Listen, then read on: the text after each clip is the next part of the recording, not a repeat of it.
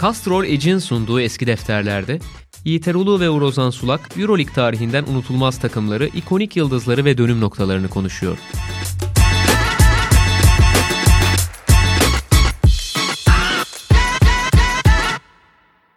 Sokrates'ten merhaba. Castrol Edge'in sunduğu eski defterlerin yeni bölümüyle karşınızdayız. Ee, bu sefer Yugoplastika'yı konuşacağız. Tabii yani bir programa sığması aslında belki de en zor olan konu başlığı Yugoplastika. Çünkü yani üç şampiyonluğu belki ayrı ayrı konuşsanız yani bir buçuk saat, iki saatlik bir program çıkabilir ki zaten kitabı yazıldı, belgeseli çekildi, filmi çekildi, aşağı yukarı her şey yapıldı ama her zaman olduğu gibi ben Uroz Ansulak, Yiğiter Ulu'la birlikte bu yayında sizlerleyiz.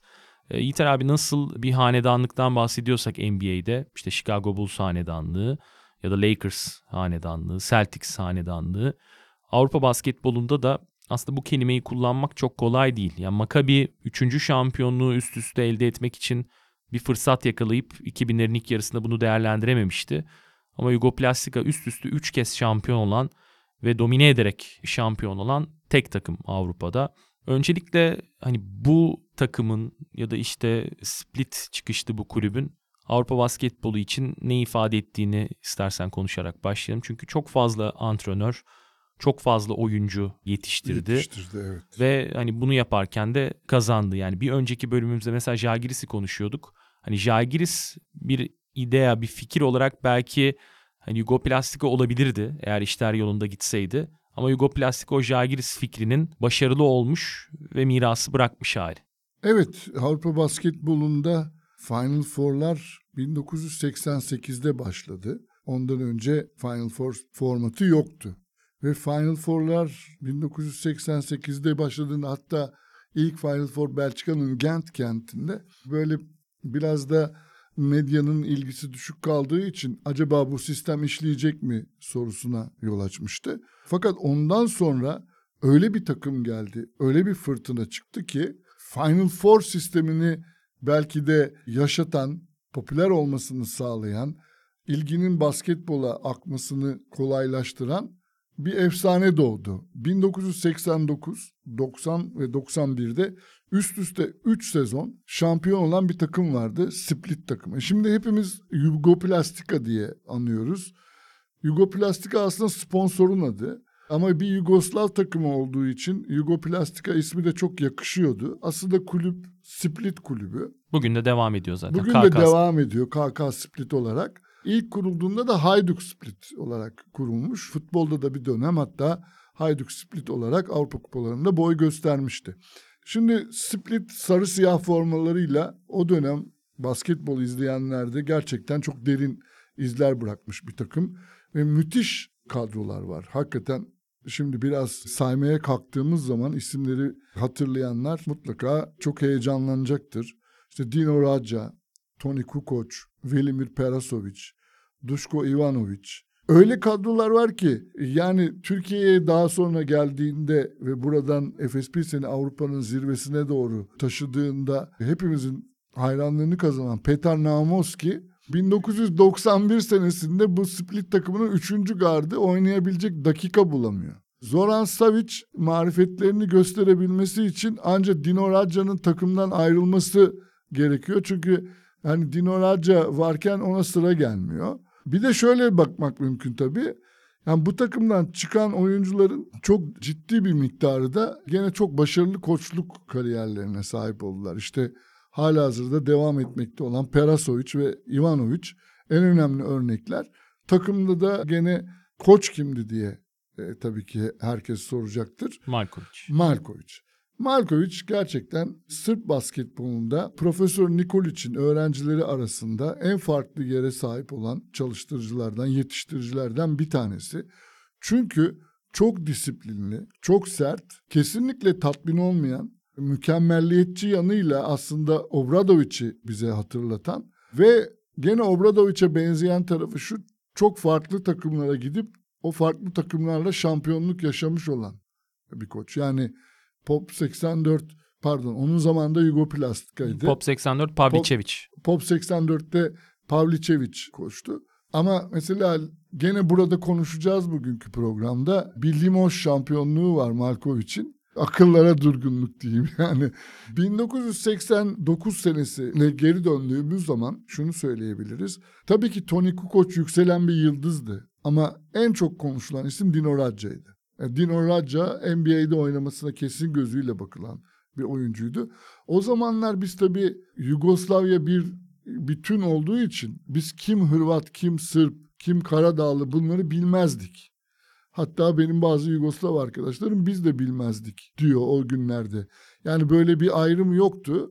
Şimdi biliyoruz Split'in Hırvat takımı olduğunu ve kadrosunun ağırlıklı olarak Hırvat oyunculardan kurulu olduğunu. Ama mesela Markovic bir Sırp'tı başlarındaki koç. Ve yani Markovic'in aslında kariyerinin işte yani Belgrad'da böyle artık fraksiyonlar mı denir tam bilmiyorum ama hani Radnički daha farklıdır işte Partizan daha farklıdır. Mesela oradan Kızıl Yıldız. Aynen yani Radnički bölgesi genellikle mesela Ivkovic kardeşler için hem Piva hem Duda Ivkovic için hep hatırlanır.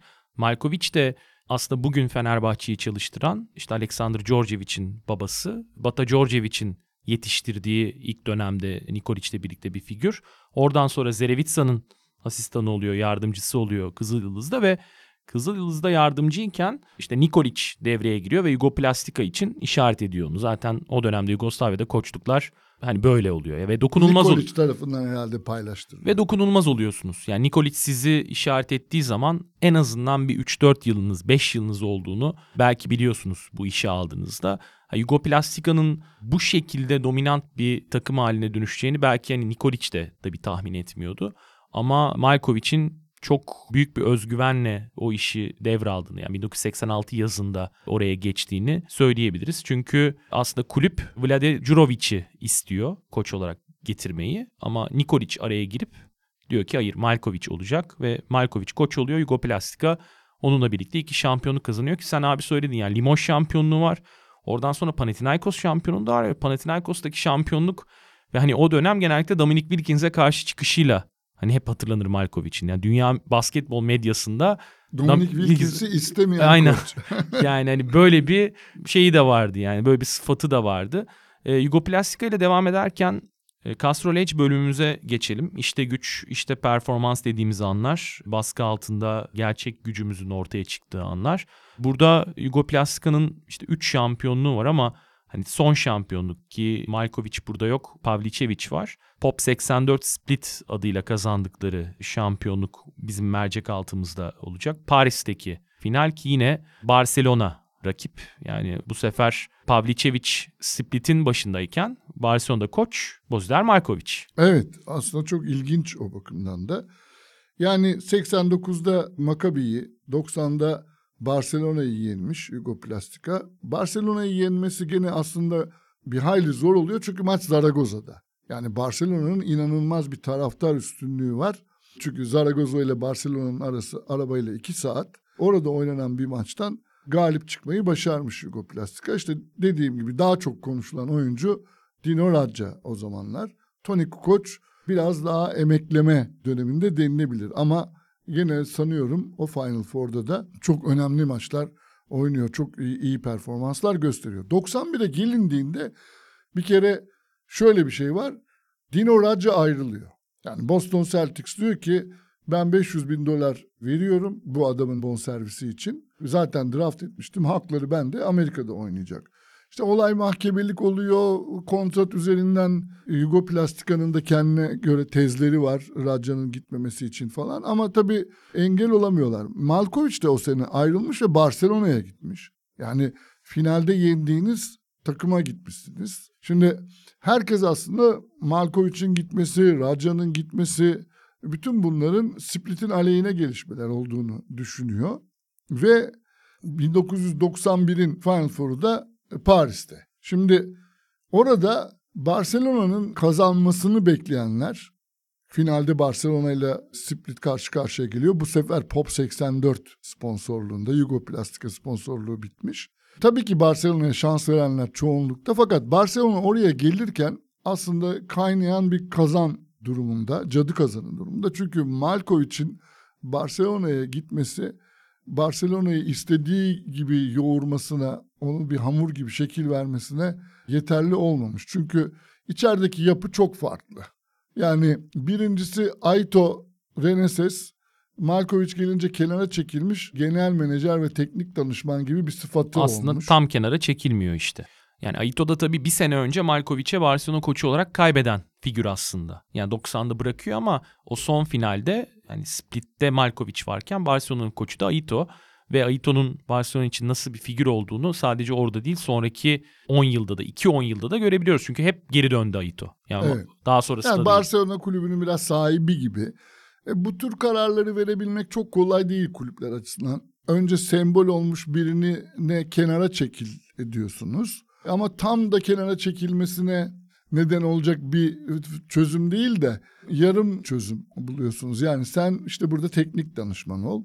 Markovic takımı idare etsin. E bu çok kolay bir şey değil tabii. Malkovic de bundan çok rahatsız. Şöyle rahatsız. Haklı sebepleri var bence.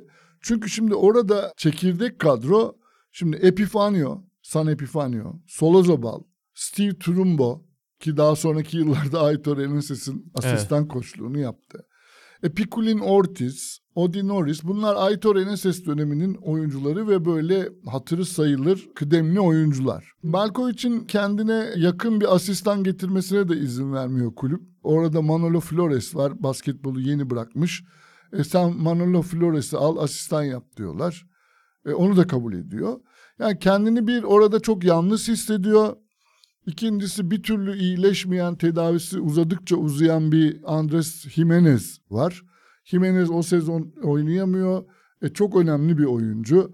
Markovic onun da Aito tarafından oynatılmadığını aslında oynayabilecek durumda olduğu halde sen işte henüz formda değilsin kendini riske atma diyerek onun tarafından oynatılmadığını düşünüyor.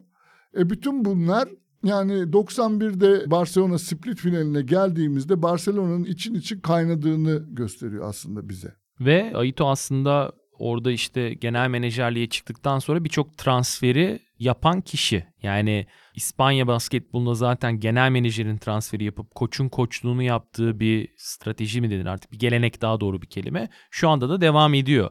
Ama Aito orada koçluktan yöneticiliğe geçen figür olarak aslında onun temellerini de attı. Mesela Ferran Martinez'i Badalona'ya sattı. Kukoç'u istedi Malkovic. Ay- Alamayız dedi. alamayız dedi. Şey yapmadı. Aynı dönemde yine Paspal transferi ihtimali var. Orada da yine Aito devreye girip bir hamle yapıyor. Ama e, Andres Jimenez de Coton Fisio döneminden itibaren hani Aito'nun hayatında olan bir figür. Yani öyle bir yere geliyor ki Malkovic ki böyle çok ılımlı bir figür. Kuşatılmış. Aynen yani çok ılımlı bir figür de değil Malkovic. Değil. Yani, Yani, gidip- o da uzlaşmacı bir insan değil. Yani onun da sert bir karakter olduğunu hemen ekleyelim. Belki bu sertliğe biraz da bu şartlarla birlikte biraz paranoya ekleniyor. Burada herkes benim başarısızlığımı istiyor gibi ve sonuçta şöyle bir şey oluyor. Evet final maçı Paris'teki final maçı gerçekten güzel bir maç. Biraz kısır skorlu olmakla birlikte güzel bir maç. Zoran Savic yani Raja'nın rolünü üstlenen Zoran Savic 27 sayıyla sahanın yıldızı oluyor. Ve beklenmedik bir figür de gene hiç kimsenin hesaba katmadığı bir oyuncu çok kritik reboundlara imza atıyor. Bu oyuncu Avi Lester. Avi Lester Split kadrosunda sanıyorum ilk Amerikalı. Ve North Carolina State'ten Jim Valvano'nun oyuncusu. Oradan gelmiş. Aslında basketbol severlerin gözünde canlanması için belki de şöyle özetleyebiliriz. Kyle Hines'ın o günkü hali gibi desek belki de çok yanlış olmaz. Kyle Hines kadar iri ve kilolu değil ama boy olarak aslında 2 metre civarında ve 5 numara oynuyor. Fakat çember etrafında çok aktif, her rebound'a dokunabilen e, ve rakip oyunculara da çok sıkıntı yaratan, savunmasıyla çok sıkıntı yaratan bir figür Avi Lester. O günkü maçta e, gerçekten de şimdi biraz hatırlamaya çalışıyorum. Çok kritik hücum reboundlarında imzası vardı. Yani tamamen bir sürpriz oyuncu oluyor. Herkes Tony Kukoc'u beklerken bu şekilde kupanın split'e gitmesine yardımcı oluyor. İlginç bir not daha var. Bunu bana Barcelona'da anlatmışlardı. Şimdi bu maçın oynanma tarihi 18 Nisan. 18 Nisan 1991'de Split eski koçu Markovic'in başında olduğu Barcelona'yı yenip 3. şampiyonluğunu kazanıyor ve tarihe geçiyor. Markovic'in doğum günü de 20 Nisan. İki gün sonra Barcelona'dalar, antrenmana çıkıyorlar. Ama işte oyuncuların koçlarına bir sürprizi var. Yani her zaman olduğu gibi bir pasta orada yaptırılmış, saklanmış. Üzerine mumlar dikilmiş ve tam antrenmanın bitiminde pasta getiriliyor ve işte Happy Birthday şarkısı söylenirken Malkovic diyor ki geçen sene ben doğum günümü şampiyonluk kupasıyla Evet. kutlamıştım. Bana hediye olarak oyuncularım Avrupa şampiyonluğu vermişti. Sizin verebildiğiniz bu zavallı pasta mı?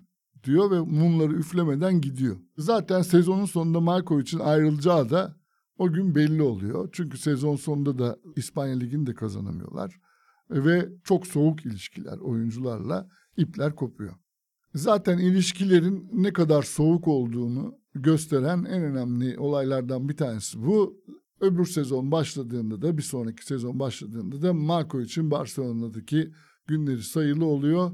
Çok da fazla uzamıyor oradaki macera ve sezonu bitirmeden ayrılıyor. Ki yani 91-92 sezonunun işte Kasım sonu ya da Kasım ortaları gibi ayrıldığını düşünürsek Malkovic'in aslında Limoges'u kabul etmesiyle arasında da bir 3-4 ay var. Yani sezon ortasında Limoges'u alıyor ki pek görmeyiz. Yani Euroleague şampiyonu koçlardan Malkovic evet Barcelona'da çok istediğini yapamamış olabilir ama Barcelona'dan ayrıldığı gün itibariyle son 3 yılın Euroleague finalini oynayıp ikisini kazanmış bir koç ve Limoges'u alıyor se- sezon ortasında.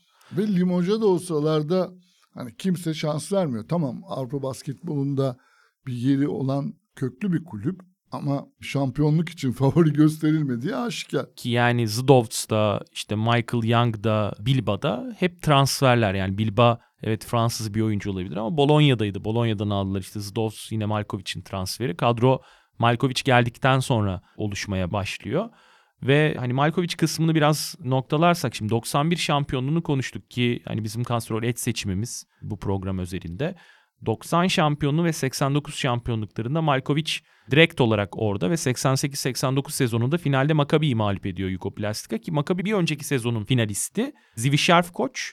Yugoplastika belki bugün işte bir hanedan ama yani bu programın hep teması oldu eski defterlerin. Yine hani sürpriz denilebilecek bir şampiyonluk Yugoplastika şampiyonluğu. Şöyle yani herkes bir önceki yıl Maccabi şampiyon olduğu için hani Maccabi'nin favori olduğunu düşünüyor o şampiyonlukta ki Münih'teki finalden bahsediyoruz. Orada 75-69 Malkovic'in takımı e, şampiyonluğa ulaşıyor ki işte ya Maccabi'de Ken Barlow var, Kevin McGee var, Doron Camshi yani inanılmaz bir oyuncu zaten İsrail basketbolunda.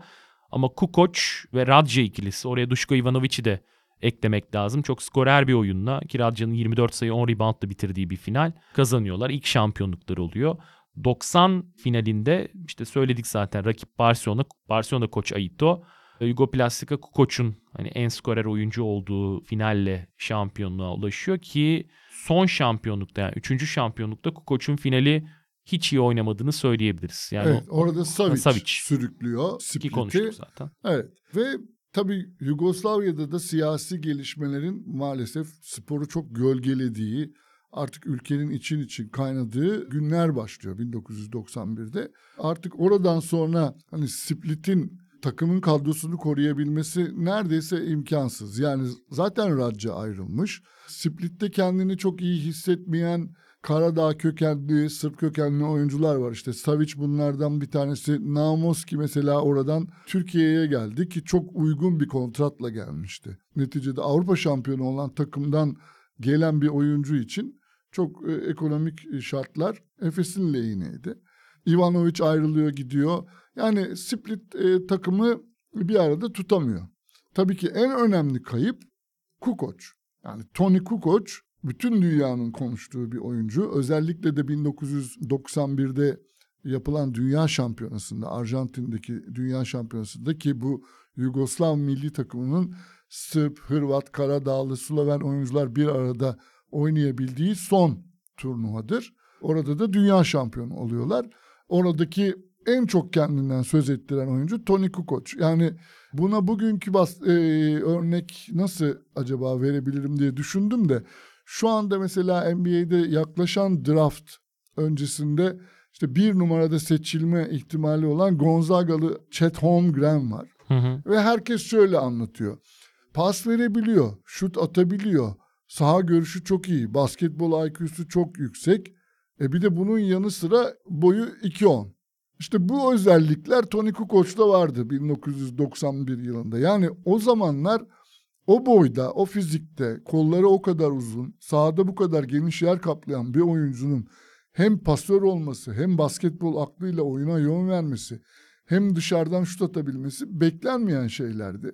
Bugün tamam böyle örnekler daha fazla ama Tony Kukoc türünün tek örneğiydi ve Split'ten Benetton'a transfer olurken 3,5 milyon dolar o zamanın parasıyla 3,5 milyon dolar korkunç bir paraydı. Şöyle korkunç bir paraydı. O parayı Chicago Bulls veremediği için Tony Kukoc NBA'ye gitmedi. Yani Scottie Pippen bile o parayı alamıyordu Chicago Bulls'da o gün. Ve bunu bir Avrupa takımı çıkarıp verdi. Benetton'un da çılgınlığını anlayabilmeleri için söyleyelim. E, tabii ki bunun karşılığında bütün beklenti şampiyon olmasıydı İtalyan takımının. 1991 yılında zaten Benetton'un değişen İtalyan basketbolundaki statüsü şirket haline gelip Benetton ailesinin Treviso'daki kulübe yatırım yapmasıyla daha da güçleniyor ki takımın başında da Skansi var. Petar Skansi bir Hırvat basketbol efsanesi, bir Yugoslav efsane. Hem oyunculuk döneminde hem işte antrenörlük döneminde Yugoplastika'nın yeri çok büyük. 70'lerin ortalarında bırakıyor basketbolu Yugoplastika'da. Sonra orada başlıyor antrenörlüğe. Ve hani Kukoc transfer elbette yani Skansi'nin kara kaşına kara gözüne gelmiyor Kukoc. Bahsettiğin 3,5 milyon dolara geliyor ama Benetton'un o yılla birlikte başlayan yapılanması var. 91 sezonunda yalnız ama mesela 92'de de Maurizio Gerardini geliyor kulübe Forli'den bankacı olarak başladığı kariyerinde. 92-93 orada zaten yapılanma iyice büyüyor. Çünkü Skansi ile 93'te ayrılıyorlar. Çok kısa bir süre Fabrizio Frates koç ama oradan sonra inanılmaz bir sekans. Yani Mike D'Antoni, işte Jake Obradovic, Ettore Messina, David Blatt gibi koçlar arka arkaya periyotlarda hep Benetton'da çalışıyorlar ki Oktay Mahmut'un da bir dönemi var. Yani Benetton'u mutlaka ayrı başlık olarak konuşuruz diye tahmin ediyorum. Tabii tabii. Ona- O da bu programlarda yer almayı hak eden bir organizasyon. Aynen yani oraya çok detay girmeyeyim. Sen şimdi hem o 91 ile başlayan süreçte aklında spesifik olarak bir bölüm vardır diye tahmin ediyorum. Hangisini konuşalım? Yani 93 Final Four'u baştan aşağı ilginç bir Final Four. Çünkü Atina'da yapılan ilk Final Four sanıyorum bu. Ve Yunan takımları da mutlaka bir yerden o zamana kadar e, genellikle Aris'le bu yarışmada oluyorlardı. Yani Gallis'in sürüklediği bir Aris bir şekilde Final Four'larda kendine yer buluyordu. Ama şimdi Final Four Atina'da ve bu kez PAOK çok iddialı. PAOK oraya geliyor. Müthiş bir seyirci desteği arkasında. Ve hiç de fena olmayan bir kadrosu var. İşte Cliff Livingston, Chicago Bulls'tan NBA'den gelmiş. Ken Barlow.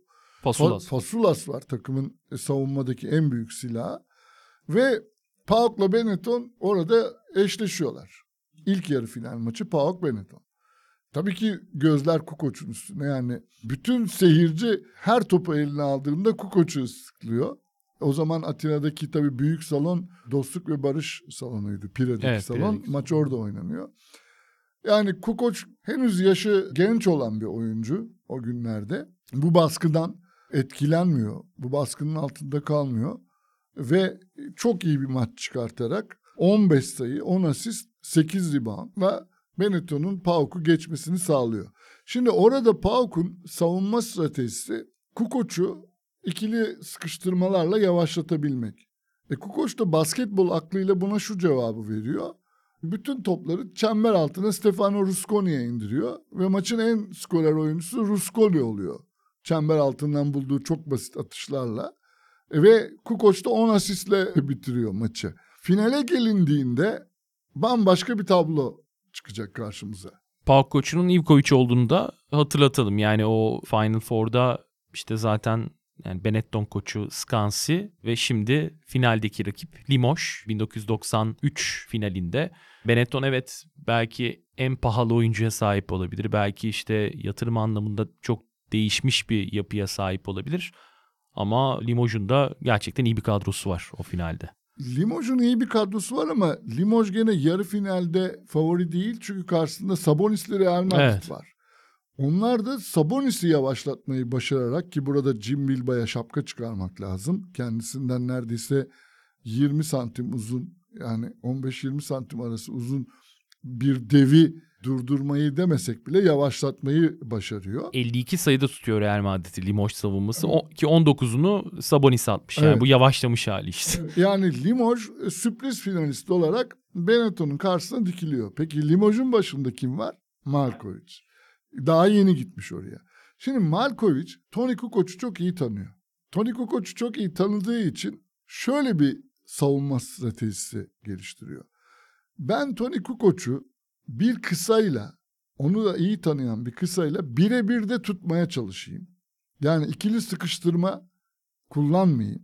Birebir de onu kısa bir oyuncuyla tutunca Toni Kukoc ister istemez postapa girecek. Postapa girdiğinde de Benetton kendi alışmış olduğu hücum düzeninin dışına çıkacak. Şimdi Zdovc'la tutuyor Malkovic Toni Kukoc'u. Kukoc 2.7, Zdovc 1.94 falan sanıyorum değil mi? Hı hı. Zdovc, Toni Kukoc'un özellikle driplingli oyunlarında çok rahatsız ediyor onu savunması. Sürekli gagalıyor. Toni Kukoc mecburen çember altına doğru yani postapa doğru giriyor. Postapa girdiğinde de işte oralarda biraz daha geç de kullanılsa ikili sıkıştırmalar geliyor ve Toni Kukoc'un pas açılarını kapatmaya çalışıyorlar özellikle. Ve bu strateji gerçekten çok başarılı oldu. Aslında günümüzde de bunun örneğini söyleyebiliriz. Kevin Durant, Patrick Beverley mesela. Evet, Kevin Durant tabii yani Tony, Tony Kukoç'tan daha farklı bir oyuncu ama boy farkını düşündüğümüzde yani onu mesela rahatsız ediyor. evet, en rahatsız eden oyuncu tutup. kısa oyuncu olduğunu söylüyordu o da. Evet. Yani yüzü dönük e, oynayabilen oyuncular, uzun oyuncular kendilerini kısalar tuttuğu zaman en azından ellerinden dripling silahı alınmış gibi oluyor. Topa baskı arttığı için orada biraz daha rahatsız hissediyorlar kendilerini. Ve işte dediğim gibi postap üzerinden, Kukoç'un postapı üzerinden hücum etmek de Benetton'un sezon boyunca çok fazla uyguladığı bir şey olmadığından bir kere ritminin dışına çıkmış oluyor takım. Alıştığı oyunu oynayamıyor. E bir de buna karşılık şöyle bir şey oldu. Yani alev alev yanan bir Michael Young vardı o gün sahada. Zdovc çok iyi savunma yaptı ama Michael Young da Limoj'u hücumda sürükleyen oyuncu olarak inanılmaz dış şut attı. Ve Limoj belki de basketbol tarihinin en sürpriz Avrupa şampiyonu olarak Atina'dan ayrıldı. Ve e, maçtan sonraki basın toplantısında işte Skansi ve Markovic birbirini tabii çok iyi tanıyan, çok yakından tanıyan iki figür. İşte Skansi maçtan sonra anti basketbol suçlamaları yapıyor Markovic'e. Yani bu oynanan şey basketbol değil. Biz buraya basketbol oynamaya geldik ama bir güreş maçında kendimizi bulduk. Hani bu basketbola yakışmıyor. Taraftarların yerine kendimi koyuyorum ve bir hani finalde bir Avrupa Kupası finalinde iki takımın da 60 sayıya dahi ulaşamadığını görüyorum. Bunun için üzgünüm diyor Skansi. Markovic de ondan sonra tabii kazanan takımın koçu olarak basın toplantısına geldiğinde oradaki işte Atina'daki Yunan muhabirler yöneltiyor bir önceki basın toplantısından çıkardıkları bölümleri Markovic'e. Ve Markovic de diyor ki klasik Yugoslav koç şeyiyle my friend diye başlıyor. Bana Petar versin Toni Kukoc'u bakalım ne yapıyorum ben. Bakalım nasıl bir basketbol oynuyorum. Bende Toni Kukoc yok. Ben sadece elimdekilere e, adapte olmaya çalışan ve elimdekileri maksimize etmeye çalışan bir antrenörüm. Benim geçmişte Yugoplastika'da nasıl oynadığımı ya da nasıl oynattığımı en iyi o bilir diyerek bir basın toplantısı sonunda da şampiyon koç olarak reaksiyon veriyor Skansi'nin açıklamalarına. Ama yani bugün biraz geçmişe dönük baktığımızda Limoges tabii o an kazandığında çok büyük bir sürpriz. Ama yani Benetton'un kadrosu da aslında sonraki yıllarda biraz gelişiyor. Benetton'un bu, bu takımının da çok iyi bir takım olmadığını söyleyebiliriz. Şöyle yani Kukoc haricinde. Tony Kukoc'a çok büyük para verdikleri için Rusconi işte. Ee, yani ona destek olabilecek, etrafında onun işini kolaylaştırabilecek bir alt kadro yaratamadılar. bir Terry Teagle var. Terry Teagle var. Rusconi daha yolun başındaydı o zamanlar. O da NBA'ye giden ilk İtalyan olarak daha sonra tarihe geçecek. Ama NBA'de çok fazla bir varlık gösterememişti.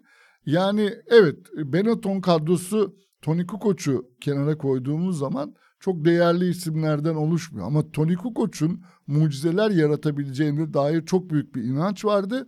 Ve zaten Kukoc da yarı finaldeki göstermiş olduğu basketbol aklıyla, dehasıyla birinci adımını bunun çok rahat geçmişti. Yani rahat demeyeyim gerçi. Maç yakın oldu ama seyirci faktörünü de unutmayalım tabii Atina'da oynandığını. İşte o yani Pauk'u geçen Kukoç artık Limož'u çiğ çiğ yer diye düşünüyordu herkes. Ona Malkovic'in stratejisi, defansif stratejisi izin vermedi. Ha yine de şunu eklemekte fayda var. Tony Kukoc MVP seçildi. Yani Final Four'un MVP'si olarak tamamladı. Sanıyorum kaybeden takımdan en değerli oyuncu seçimi çok nadir görülen bir şey Final Four tarihinde. Evet kesinlikle öyle ve Kukoc da zaten 93'ten sonra draft olduğu takıma Chicago'ya işte 3 yıl gecikmeli olarak gitti ki Michael Jordan emekli olmuştu three-peat'ten sonra. Ama yani orada kalmaya ve hani NBA'de de etkisini göstermeye devam etti. Hatta belki bugün baktığımızda geçmişe dönük hakkı çok teslim edilmemiş oyunculardan biri olarak hatırlayabiliriz onu NBA tarihinde Tony Kukoc'u. Evet özellikle bu son dans belgeselinde hani tamam her şey Michael Jordan'ın etrafında dönüyor ama hani Tony Kukoc çok kenara itilmiş gibi geldi bana. Evet yani o işte 93-94 ve 94-95 sezonlarından sonraki tekrar başlayan işte three-peat'te yani ikinci three-peat'te ve sonrasında mesela çok istisnai performansları vardı Tony Kukoc'un da. Ama hani bu bölümü de Yugoplastika ile başladık. Kukoc'la bitirelim dedik. Yani Arada bu, Markovic'e de evet, Markovic'e de geçtik. Yani Jaigiris bölümünün ardından burada da biraz daha dağıttık konuyu. Ama bundan sonra artık iki hafta değil de haftalık olarak ilerleyeceğiz ve sizden de her zaman olduğu gibi önerileri bekliyoruz. Gelen önerileri zaten not alıyoruz. Ee, Onları kullanacağız ilerleyen bölümde. Final Four haftasına kadar e, her haft- hafta birlikteyiz. her hafta birlikteyiz diyelim ve e, Kastrol Ece bir kez daha teşekkür ederek programı noktalayalım. Bizi dinlediğiniz için teşekkür ederiz sizlere de. Yeni bölümde tekrar görüşmek dileğiyle. Hoşçakalın.